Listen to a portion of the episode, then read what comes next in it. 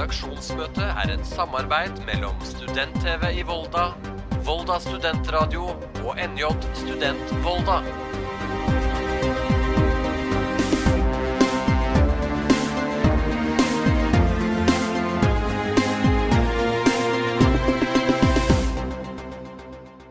Velkommen til eh, Studio 5, hvor vi gjennom denne våren skal i samarbeid med Volda student-TV og Volda studentradio slå av en prat med journalister som kommer hit til Volda for å dele sine erfaringer sammen med oss. Ja, og gjesten vi skal møte i dag, han har tilbrakt eh, mange tusen døgn på hotell de siste 20 årene.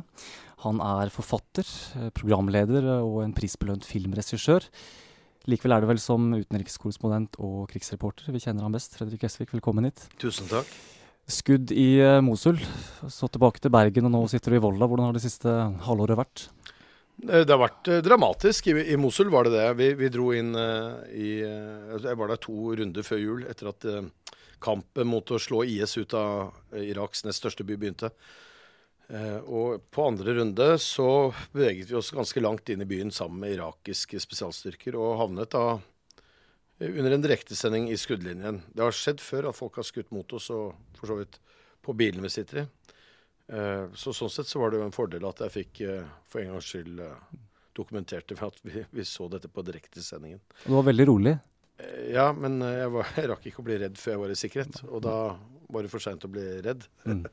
så, så har jeg jo opplevd forskjellige ting før, og da blir man liksom vant til ting. Altså, I det øyeblikket man ikke lenger er i fare, så er det ikke noe grunn til ikke å være rolig. Og hvis du stresser for mye, så får du ikke fokusert på de tingene du må gjøre. Det kunne jo vært at jeg måtte fokusert på å komme meg vekk fra situasjonen, og da, da er det greit å klare å holde hodet kaldt i hvert fall en liten stund, mm. og så vente og la reaksjonene komme seinere. Så da slår vi bare fast at du er herda? Jeg er nok litt herda, ja. ja. Vi skal snakke mer om din uh, rolle som krigsreporter litt senere i intervjuet. Men vi hopper noen år tilbake, fra du var uh, liten gutt og litt yngre. Uh, for jeg hørte i et intervju at du hadde et togsett som liten gutt som du var veldig glad i. Og det, sagt det til noen? Ja. Ja. Vi har fikk med oss det i et intervju en gang. og dette togsettet solgte du, og kjøpte mm. ditt første speilreflekskamera. Ja.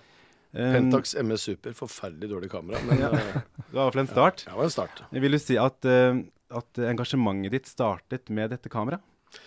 Ja, men det var grunnen til at jeg gjorde dette. Jeg, eh, engasjementet har vært der. For, altså, både på, jeg, på, jeg gikk vel på ungdomsskolen da. Så var jeg jo også redaktør Eller jeg var i skoleavisa, og på videregående ble jeg redaktør for skoleavis og årbok. Men eh, fotograferingen var det som først dro meg inn i journalistikken for alvor. Jeg, jeg også, når jeg gikk på videregående, så jobba jeg litt for Dagbladet som frilansfotograf. Mye konserter og sånn. Uh, og tjente litt penger på det, men det viktigste var å få lov å være med på et eller annet. Jeg trodde jo hele tiden jeg skulle bli jurist. Så var det jeg begynte å utdanne meg til. Jeg tok uh, juss et år, men uh, så skjønte jeg jo da etter hvert at det var egentlig journalist jeg skulle skulle ja. bli. Hva var det som var liksom det avgjørende øyeblikket hvor du kjente at uh, dette er veien for meg å gå? Det var når jeg satt på lesesalen sammen med alle de andre som leste Norges lover og tilhørende bøker. Og så tenkte mm. jeg at dette er ikke livet for meg. Jeg må, ut i, altså jeg må ut og bevege meg ute blant folk og snakke mm. med folk på en måte som jurister kanskje normalt ikke får anledning til. Og ut, eh, det fikk du muligheten til å dra. Det ble USA. Jeg, jeg, reiste til USA for å studere, og det var mm. um, egentlig fordi jeg hadde en kjæreste som uh, skulle til USA og studere. Mm. Så jeg um, uh, Det var hovedgrunnen, i hvert fall. Ja, så jeg tok de testene og prøvene jeg måtte, og forberedte meg på å reise sammen med henne til USA. Mm. Men så dumpa hun meg. okay. Og da tenkte jeg at jeg kan jo likevel dra til USA, jeg trenger ikke ha med henne. Så hun kom seg aldri over. Jeg levde hennes drøm og studerte det hun skulle gjøre. Ja, det var min søte hevn. Men nei, jeg, jeg studerte der, og fordelen var jo da at jeg lærte engelsk litt mm. bedre enn jeg ellers ville ha gjort. Og så studerte jeg internasjonal politikk i tillegg til journalistikk, slik at jeg hadde eh, noe å fokusere på. Altså jeg hadde et mm. fagfelt jeg kunne jobbe med når jeg ja, for du skrev en, eh, en, eh, oppgave om Golfkrigen, var ikke det? I, jo da. I konfliktstudier? Ja, ja. riktig. Altså jeg kunne velge jeg, jeg, skulle ta en dobbel bachelor, og da prøvde jeg å slå sammen for å slippe å skrive to forskjellige oppgaver. Så skrev jeg da én oppgave da skrev jeg om eh, amerikanske mediers dekning av Golfkrigen. Og da skjedde det noe, for jeg reiste rundt og intervjuet Altså det er Golfkrigen i 1991. Jeg reiste rundt og intervjuet eh, journalister både i Europa og Midtøsten som hadde vært å dekke denne krigen, og i USA. Mm. Og det jeg så, var en vanvittig glød hos disse journalistene. Altså, de var utrolig intense når de snakket om eh, hvordan det mm. var å, å, dekke krig og konflikt. Så jeg tenkte at det der må være drømmen. Altså Få en jobb hvor du mm. kan liksom åh, være så Leve deg så godt inn i det og så føle at dette er liksom, dette er livet. Mm. Og de fortalte jo også om, om dette med, med, frykt. Jeg spurte om det. ikke sant? Dette med å være redd når du er på jobb. Altså, om ikke det er forferdelig. Men det, det er jo noe av det man etter hvert blir litt avhengig av, som man liker. Altså det å føle på frykten og kjenne adrenalinet. Og føle at man takler de oppgavene man blir satt til, også under spesielle forhold. Men jeg må bare, altså Før du fikk komme deg ut, da, mm -hmm. når du satt på skolebenken i USA, hvordan var det? Hvordan var du som student, egentlig? Ja, I USA så var det jo fantastisk, fordi vi, vi hadde med oss mye gode stipender fra Norge. At jeg var jo styrtrik ja. student der i forhold til hva mine studiekamerater hjemme i Norge var. Mm. Uh, I et land hvor ølprisene var på en måte så Det var krevende å fokusere på studier ja. til tider, men uh, Det ble lite lesesal? Nei, det var Nei. nok med det. Men, ja. men, det ble mye annet også. Det, og det er gøy å leve i en annen kultur. og det er kanskje litt sånn som dere merker her. Altså hvor man, man Jeg bodde rett utenfor Chicago, men det var et universitet med 30 000 studenter. Og det Vi dominerte jo lokalmiljøet totalt, ikke sant. Mm. Og det gjorde de årene til helt spesielle. At man fikk lov å være med i et sånt miljø. Mm. Hvor, hvor vi, var, vi var byen, på en måte. Har du fortsatt kontakt med noen av de du ble kjent med i studietiden? Ja, jeg har vel noe. Etter, etter at Facebook dukket opp, så har liksom gamle kjærester og sånn også meldt seg på, mm. på vennelistene. Mm. Eh, men, men, det er lite. Altfor lite. Men en, mens du var student, tenkte du mye på liksom, jobben eh, jobbmarkedet da, etter du var ferdig utdannet. Var du stresset over det? Nei, fordi dette var jo en tid hvor ingen stresset med jobbmarkedet, egentlig. Det var ikke det. Og journalistikken var liksom, den lå jo der som åpenbart noe man trengte lang tid. Uh, I Norge så hadde man uh, Altså man hadde godkjent uh, oppbyggingen av kommersielle TV-kanaler mens jeg var der borte. Og det, jeg tenkte at her blir det jo et jobbmarked som, som vokser, og det var jo riktig. Uh, så når jeg kom hjem, så flyttet jeg til uh, Bergen, hvor jeg da visste at TV 2 skulle starte. Jeg kom mm. hjem i, til jul 91. Og da tenkte jeg at jeg kunne prøve å søke jobb i eh, TV 2. Som da skulle starte seinere i 92. Men, eh, men, jeg kunne også prøve å få jobb andre steder. Jeg skjønte at, at journalister var noe de hadde bruk for i Bergen. Og siden jeg har blitt der. Jeg, jeg eh, søkte jobb i, i TV 2 og fikk, ble aldri kalt inn til intervju engang. Eh, og det jeg fikk høre etterpå, var at de tok den bunken og delte den i to og kastet halvparten av uh, søknadene, fordi det var rett og slett altfor mange som søkte til TV 2. Så fikk jeg jobb i NRK istedenfor, fordi TV 2 ansatte jo alle som jobbet i NRK mm. i Bergen. Så. Sånn, du gikk til det kommersielle. Der var det en av de første konfliktene du dekket. Det var Rwanda. Ja. Hvordan var det å bli satt til å dekke en så blodig konflikt så raskt som ung journalist? Jeg, var, eh, eh, jeg jobbet litt i NRK, så uh, syns jeg det var forholdsvis kjedelig å jobbe i NRK Radio. Jeg reiste rundt i Norge og hadde det egentlig bra, men så en dag så hang det en lapp på Jeg ville jobbe med utenriks, og så hang det en lapp på oppslagstavla til NRK. Dette er før internett, da, i riktig gamle dager. Og der sto det at det var ledig jobb som presse- og informasjonsoffiser norske, uh, for den norske styrken i mm. Sør-Libanon. Mm. Og da dro jeg dit. Så var jeg der i litt over et år. Og når jeg kom hjem, så hadde TV 2 uh, Utenriksledelsen i TV 2 fått uh, nyss om meg via reportere som de hadde vært nede, ja. og som jeg hadde tatt hånd om når de var på mm. besøk i Libanon. Så jeg ble egentlig tilbudt en jobb den dagen jeg landet i Norge, eller dagen etter, uh, fra Libanon. Og da ringte de fra TV 2 og lurte på om jeg ville jobbe hos de. Mm. Og jobbe med Midtøsten. Ja.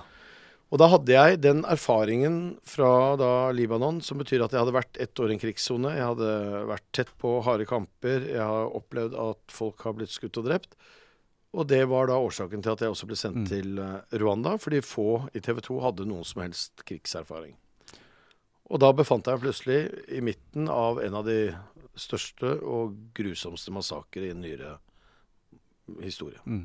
Hadde TV 2 en, en, form for brifing før dere dro ned? Den en slags gangen, program? Nei. Nei. Eh, nei. vi har ikke Og det har vi sjelden i dag. Altså, vi, de forsøker å sende ut erfarne folk som ja Eh, de vet kan håndtere forskjellige situasjoner. Men det er ikke noe Som ofte så er det bare snakk om å dra med en gang. For mm. de ser at noe skjer, altså nå drar vi. Ja. Uh, så det viktigste arbeidet der er jo hva man gjør i, i bakkant, ikke hva man gjør før man reiser ut. Uh, for egen del så er jo det, det viktigste er jo å kunne mest mulig om de stedene jeg skal reise til. Altså kunne historie, forstå mm. hvordan folk tenker. Mm. Uh, og prøve å ha en eller annen forhåndsforståelse av hvordan uh, sikkerhetssituasjonen for min egen del kommer til å være når jeg kommer fram. Ja. Fordi du reiser jo i 2003, så drar du til Bagdad og dekker bombingen der. og da har du blitt litt eldre og fått noen flere år med journalistisk erfaring på, som krigsreporter på på samvittigheten. Eh, og hvordan var det å dekke eh, den konflikten der eh, kontra Rwanda? Det som var annerledes i, i Bagdad, var jo at uh, mye handlet om oss, altså når vi skulle forberede dette. Det var en konflikt vi har forberedt over lang tid. altså Jeg forberedte meg over flere måneder på å komme ned og være der. Blant annet så var det slik at de utstyrte kun medier som hadde kontor i Bagdad, altså fast, uh, faste folk i Bagdad, mm. med uh, oppholdstillatelse og visum. Så jeg meldte flytting til Irak, altså til irakiske myndigheter, ikke norske. Uh, satte i gang byggingen av et kontor, i likhet med mange andre internasjonale medier. Og så var og Det er også en stor forskjell, fordi mye handlet om min sikkerhet og fotografens sikkerhet, i motsetning til Rwanda, hvor vi reiste inn for å dekke den forferdelige sikkerhetssituasjonen for sivilbefolkningen så handlet det nå i stor grad om at vi visste at vi ville utsette oss for til dels stor fare. Eh, vi visste at vi kunne komme i en situasjon hvor det ville være helt umulig å forlate landet. Slik at idet de første bommene falt, så var det ikke sånn at vi kunne sette oss i en bil og kjøre ut. Og det var ingen fly som gikk ut. Eh, så det var egentlig det som var mest Eller det som var veldig spesielt med Irak. Altså det at du må forberede deg på at du du havner i en situasjon hvor alt kan falle sammen rundt deg, og du ikke har noen måte å forlate mm. dette området på. Ja, hva, hva, tenkte du da, når du letter med flyet fra Norge og tenker at nå er det no way back? Ja, nei, vi kjørte inn til eh, Altså, jeg merket det først når de første bommene øh, falt, ikke sant. Så tenkte jeg at nå, nå er det støkk her. Her kommer du ikke ut på, fra på en stund. Mm. Så vi var jo der en god stund da før, øh, før vi kunne forlate Bagdad. Men det var jo også planen, å være der. Og jeg tenkte at dette er helt riktig sted å være.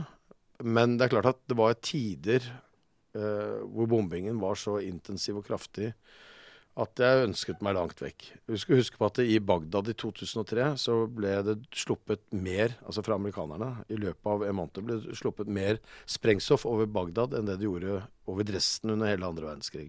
Mm. Og i hovedsak så var dette ø, konsentrert om et lite område i sentrum som var da palassområdet til Saddam Hussein. Og i regjeringsbygningene, og vi bodde 700 meter fra palasset hans. Mm. Så det var et, eh, et, ragnar, altså et vedvarende ragnarok i de to ukene jeg var der.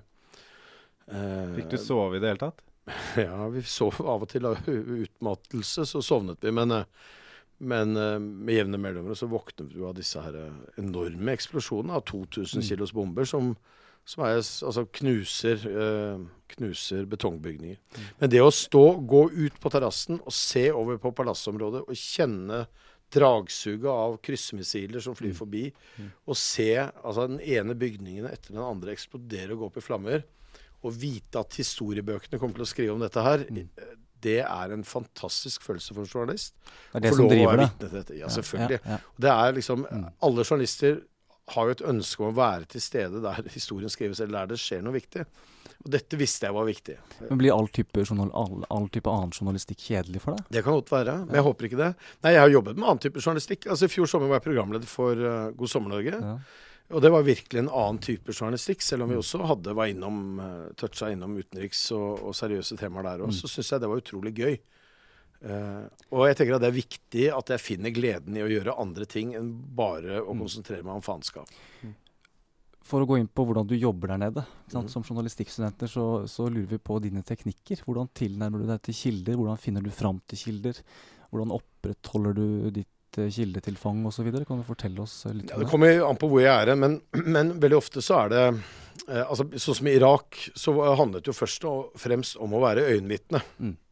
Eh, å se bombingen og reise ut til områder som var bommet, og reise til sykehusene for å se om opplysningene vi fikk fra myndighetene om at det var mange sivile drepte osv., mm. at disse stemte. Og det kunne vi jo. For vi ble jo myndighetene, irakiske myndigheter ville jo for all del vise oss hva som hadde skjedd med sivile når sivile ble utsatt for bombing. Og vi skjønte jo veldig fort at hvis det ikke var noen sivile drept, eh, eller hvis de ikke tok oss med til noen sykehus og viste oss noen drepte eh, på likhusene eller skadde på mm. sykehusene, mm. Så var det sannsynligvis heller ingen. Eh, så vi lærte oss fort å lese myndighetene, og det kunne vi aldri gjort på avstand. Bare ved å få bildene fra byråene og, og stole på den informasjonen som andre kom med. Mm. Uh, andre steder så det, kan det være sånn som Kongo-saken, som jeg jobber mye med nå.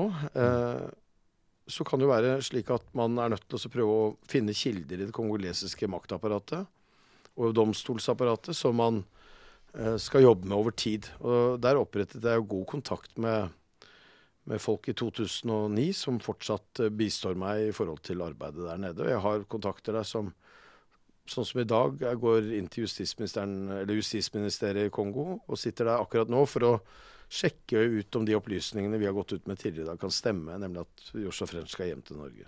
Men er det farlig? Føler du deg redd noen ganger når du ja, snakker med kilder? Jo, nei, ikke kilder nødvendigvis, men å være på reisene mine er jo farlig. Eh, ofte. Men da har jeg lyst til å finne ut av er det noen situasjoner hvor du snakker med dine kilder hvor det har oppstått risikofylte situasjoner? Da? Ja, du er inne på dette med kilder, men det er, det er jo ikke når jeg snakker med kilder altså, øh, Når jeg prøver å få tak i folk, så kan det jo kjøre inn i områder, så ja. kan det jo oppstå øh, situasjoner som er farlige. Og det er det jeg ikke klarer å venne meg til i noe særlig grad, og det som gjør vondt med den jobben, det er jo også være redd for at eget liv skal gå tapt. Ja, det er klart. Uh, men, men det, det, har vært situasjoner, f.eks. i hvor jeg også har vært ganske dumdristig. Altså, i, i 2006, eh, etter publiseringen av Mohammed-karikaturene i Danmark og Norge, eh, så var det en gruppe i Gaza som, eh, som sa at de skulle drepe alle dansker og nordmenn. Mm. En islamistgruppe. Og det syns jeg hørtes ganske interessant ut. Jeg var, i, jeg var i Jerusalem når den meldingen kom.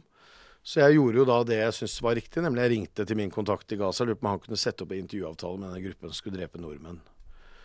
Eh, og så dro, fikk vi en avtale, så jeg dro jeg ned. Og jeg, sånn fire-fem minutter før jeg kom fram til disse, så ringer telefonen min. Da er det en, eh, en palestinsk journalist jeg kjenner, som eh, jobber i Gaza, som sier at han har fått melding om at noe spektakulært skal skje da, akkurat der hvor jeg skal møte dem, om noen få minutter. Og de har bedt lokale journalister komme for å filme dette her.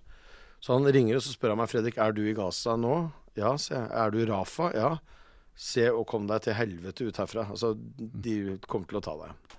Hva det betydde, om de skulle drepe meg eller kidnappe meg, vet ikke jeg. Men, eh, men jeg har da veldig selvforskyldt havnet i den situasjonen. Da rakk jeg ikke å bli redd, da, for situasjonen var på en måte løst før jeg havnet i en farlig situasjon. Men han kunne jo etterpå fortelle meg at han prøvde å ringe meg en halvtime uten å komme gjennom på telefonen. Og tenkt, han tenkte han skulle ta én til, og da virket telefonen. Ja. ja. Var du redd i, i, 2008, da, når dette angrepet i Kabul, Karsten Thomassen, eh, dør? Ja, altså Det er klart, eh, det er et angrep på hotellet vårt. Men det, det skjer et eller annet. Men du får utrolig sånn altså det, det man da kaller tunnelsyn. altså blir utrolig fokusert på Eh, på det du må fokusere på. Mm. Så man blir flink til å ta vekk alle følelser som man ikke trenger å ha der akkurat da. Eh, så det første handler jo, altså når det begynner å smelle, så handler det om eh, OK, er vi i fare? og hvordan skal vi få filmet dette og få dette stoffet hjem? så vi beveger oss rundt på hotellet, skjønner etter hvert den vanskelige situasjonen, trekker oss tilbake igjen. Men så blir det skutt gjennom hotellvinduet vårt, så det føles på en måte ikke trygt noen steder. Vi går ned i resepsjonsområdet igjen. Uh, og i det øyeblikket jeg da burde bli redd, fordi jeg ser at det ligger døde og døende rundt omkring, så oppdager jeg jo at uh, det er folk jeg kjenner som, som er skadet, og at uh, vi må begynne med førstehjelp. Og fra det øyeblikket så, så handlet det egentlig om å komme oss, altså, være en viss form for sikkerhet og prøve å redde liv. og prøve å få noen til å komme og hjelpe oss. Og, og da blir man så fokusert på de oppgavene at man slipper å bruke mye energi på å være redd. Mm. Rekker du å få en reaksjon i det hele tatt, uten å tenke på ja, Det viktigste da var jo å, å, jobbe og så gjøre de tingene vi skulle gjøre. Eh, jeg så på en av kollegene mine som ikke eh, hadde noe særlig erfaring med å drive førstehjelp, og som var på sin første reise til konfliktområdet.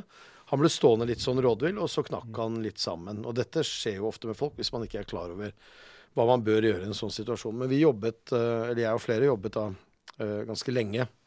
Med livreddende førstehjelp, årsjournalistikk. Og det, altså, det holdt oss gående helt til vi uh, helt til vi ble fraktet ut til et trygt område hvor det var norske soldater ved flyplassen.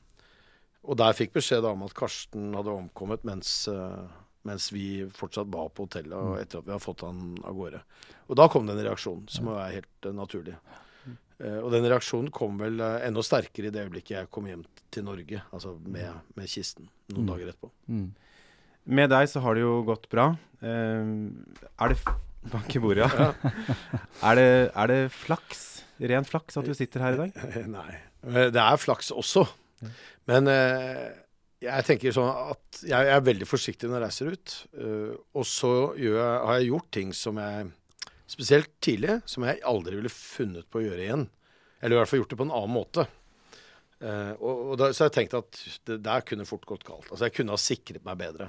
Men jeg er godt trent. altså Én ting er det året jeg var soldat i utlandet, men jeg er også i uh, ettertid blitt trent, og vi går annethvert år til, uh, på sånne oppfriskningskurs hos britiske spesialstyrker i, i Storbritannia som lærer meg førstehjelp. De lærer meg hvordan jeg skal håndtere vanskelige situasjoner i konfliktsoner. Og hvordan man bør kjøre bil, og hva man bør gjøre for å unngå å bli kidnappet. Og hva man bør gjøre hvis man blir kidnappet, eller som når det gjelder f.eks. IS. Hvordan man bør gjøre absolutt alt for å unngå å bli kidnappet, og ikke være redd for å bli skutt og drept i et forsøk på å komme seg unna hvis de, hvis de prøver å ta deg. Fordi alternativet er jo sannsynligvis bare et mareritt som ender i på samme måte uansett. Så vi er godt trent, og vi har tenkt gjennom masse scenarioer som er viktige. Sånn at du hvis Altså, jeg tror at jeg vil reagere på riktig uh, i svært mange farlige situasjoner. Men så kan det hende at det, det, oppstår noe som man ikke har kontroll over, og at man har uflaks. Men jeg tror ikke det er flaks at jeg sitter her. Jeg tror at jeg ville hatt uflaks hvis noe skjedde. Hender det at eh, tross alt du har vært med på, uh, føler du deg av og til som en helt? Nei. For hva da? altså, skulle ønske det var sånn. Nei, jeg, jeg, ikke sant? jeg intervjuer mange helter. Jeg møter masse folk som eh, f.eks. i Gaza. Mats Gilbert og Erik Fosse som med livet som innsats altså, drar ned dit for å hjelpe mennesker uh, i nød. Og av og til så føler du deg tvert imot som en som utnytter situasjonen. ikke sant? Folk mister uh, det kjæreste de har. De mister små barn som blir drept. Og så går du bort, og så sier at du vil intervjue foreldrene og spørre dem om ting. Du mm. føler deg ikke som veldig stor helt når du gjør det. Um, men jeg håper at noen setter pris på at vi uh, trosser en del farer, og at vi velger um, med stor sjanse for å kunne bli skadet eller drept av og til, å reise inn i området for å fortelle om hva som skjer. Ja, for du gjør jo en jobb som veldig mange nordmenn uh, beundrer deg for at du gjør. Altså, det er jo uh, mye fare knyttet til den jobben du gjør. Ja, det er farlig. Ja. Eh, men det er mange som har farlige yrker, og det er mange som har yrker med, som kan gi uh, store påkjenninger. Mm. Eh, jeg tenker på, altså Folk spør hvordan vi takler å være der ute og se all den elendigheten vi ser. Og da tenker jeg, eller pleier jeg også ofte å svare at jeg tenker da ofte på de som jobber på kreftavdeling med ja. små barn. altså Hvordan takler de det? Eh, og det som er så, virker så totalt meningsløst. og eh, ja, mens, mens, det vi jobber med, er jo på en måte forskyldt av menneskers onde handlinger. Så vi, mm. det er lettere å forstå hvorfor det blir sånn. Mm. Når du kommer hjem til Norge etter et lengre uteopphold uh, Du nevnte at det var ikke så spesielt uh, mye som skjedde i forkant, men er det et uh, apparat som møter deg etter lengre krevende uteopphold? Nei, det er, ikke, det er, ikke, det Men det kan heller ikke Altså, det er et apparat som er tilgjengelig for meg. Men jeg kan ikke Altså, hvis jeg hver gang jeg kom hjem skulle bli utsatt for en psykolog, eh, så hadde det blitt slitsomt. Men har du brukt et sånt tilbud i det hele tatt? Ja, ja, selvfølgelig. Ja. Eh, og, men, men det, er, det, er, viktig at tilbudet er der, men, eh, og at jeg vet det. Eh, og at jeg blir påminnet det når jeg har vært ute.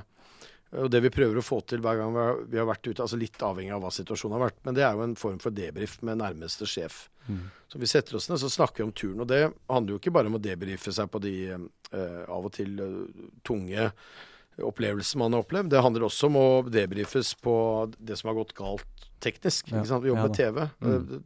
Veldig ofte ting ikke fungerer. Ja. For å få korrigert de tingene. Og så hvordan man selv har jobbet, om de er fornøyd med jobben eller ikke. Uh, og så tar vi noen runder på dette her, om det, sånn som etter skytingen i Mosul i høst, hvor jeg og fotografen sitter sammen med våre to sjefer og snakker om dette. Og så er spørsmålet var det lurt å dra dit. Altså, føl, Føler dere i dag at det var lurt, eller var det dumt å bevege seg opp dit? Og hvordan var sikkerhetssituasjonen egentlig? Mm. Um, og ville dere gjort dette igjen? Og svaret var jo at ja, det ville vi gjort igjen. Og vi syns vi egentlig gjorde det på en fornuftig måte. Uh, men vi ser jo at vi kunne ha blitt truffet av kulene. Det var jo noen centimeter unna for de som fløy ved siden av huet mitt. Men samtidig så sto jeg i skuddsikker vest. Jeg hadde mm. på meg hjelm. Mm. Eh, og jeg sto ved siden av en skuddsikker bil. Så ja. vi har jo på en måte tatt en god del forhåndsregler når vi drar inn. Men mm. når det gjelder det psykiske eller mentale, så, så har vi jo et tilbud om å bruke psykolog. Og det har jeg gjort ved noen anledninger. Noen mm. ganger så har det vært uh, ved et par anledninger så har det vært pålagt. Da har de ikke spurt. Og det har vært som etter Serena. Mm. Eh, og også etter noe 22.07, som er dekket eh, eh, Som er en av de få innenrikssakene mm. dekket. Og tsunamien i Sørøst-Asia. Fordi det varte over så lang tid, og det var vel også sånn etter Bagdad, jeg husker ikke lenger. Men, men hvor man har vært ute i et uh, område med store påkjenninger over lang tid, så er det naturlig at man ikke si nei til et tilbud. Det kan være greit å sette seg ned med en psykolog. Og det psykologen da spør om, er har du det bra, Fredrik? Mm. Og I et tilfelle som etter Gaza-krigen i 2012, så sa jeg at nei, jeg har ikke det, fordi jeg våkner hver eneste natt av, av en stor eksplosjon. Mm. Det var vel en ukes tid etter at jeg kom hjem. Og da sa han at hvis det vedvarer lenge, så ringer du meg igjen. Men foreløpig så syns han ikke det var så rart. Uh, det, det forsvant. De eksplosjonene er borte nå. Ja. Men det er en helt naturlig reaksjon, og det er ikke noe å være redd for. Det er greit å få bekrefta det av en psykolog, som også da pleier å friskmelde meg ofte og si at ja, men du setter jo ord på ting, og du, du forteller jo at du er redd. Og det er fint at du er redd, uh, så dette kan du fortsette med, sier jeg. Men tenker du noen ganger at, uh, at uh, det er enkelte ganger dere burde vært pålagt å, å gjennomføre sånne type debrifer oftere? Altså Ofte så kan du ikke vurdere er dette traumatisk for meg, eller er det ikke. Nei, men det blir vanskelig å jeg, altså Hvis jeg skal hankes inn til psykolog etter hver eneste reise, så blir det, blir det håpløst. Og det ja. Hvis noen andre skal vurdere når, altså med unntak av noen helt spesielle mm. reiser, så er det jo de som sitter med ansvaret for at blir, vi blir sendt av gårde til psykolog hver gang. Vi har hatt den diskusjonen, men jeg tenker at det er ikke altså vi, Poenget er at vi blir ikke syke av å drive med dette arbeidet. I de fleste Noen drar ut én og to ganger og sier dette er ikke noe for meg, jeg vil ikke mer. Andre av oss drar ut og gjør det gjentatte ganger og finner ut at uh, vi elsker det. Vi elsker adrenalinkicket. Vi, vi, liker det å være i uh, spente situasjoner. Mm. Uh, og så kan psykologen da fortelle at ja, men det er også helt vanlig. Det er ikke noe uvanlig med det. Du er normal, altså? Ja. ja. Altså, det er jo sånn, ikke sant. Mm. Du, igjen, hvis du sammenligner med en som velger å bli brannmann Altså han eh, Det beste er jo om det ikke brenner noe sted. Men det er jo engang sånn at kicket kommer av jobben der ute. ikke sant? Det å mm. prøve for de å redde liv og slukke brann osv. Og, så og så utsetter de seg også for fare. Mm. Man, man uh, har, eller vi har en oppgave som, som går ut på å reise inn i krigsområder, og vi liker det. I hvert fall når vi gjør det mange ganger. Jeg tenkte på, Hvis det nå plutselig, la oss si om to år, så blir det helt fred på jorden. Eh, ja. ikke noe krig eller konflikter noe sted i verden. Gud forby. ja. Hva vil du jobbe med da? Nei, da veit jeg ikke hva jeg skal finne på. Jeg får finne på noe helt annet. Da. Nei, eh, men det blir det jo ikke. Men det kan jo hende at noen på et eller annet tidspunkt, eh, eller jeg, finner ut at uh, dette her går jo ikke. ikke sant? Det kan godt hende at den dagen kommer. Jeg tenker at dette Nå er det nok. ikke sant? Mm.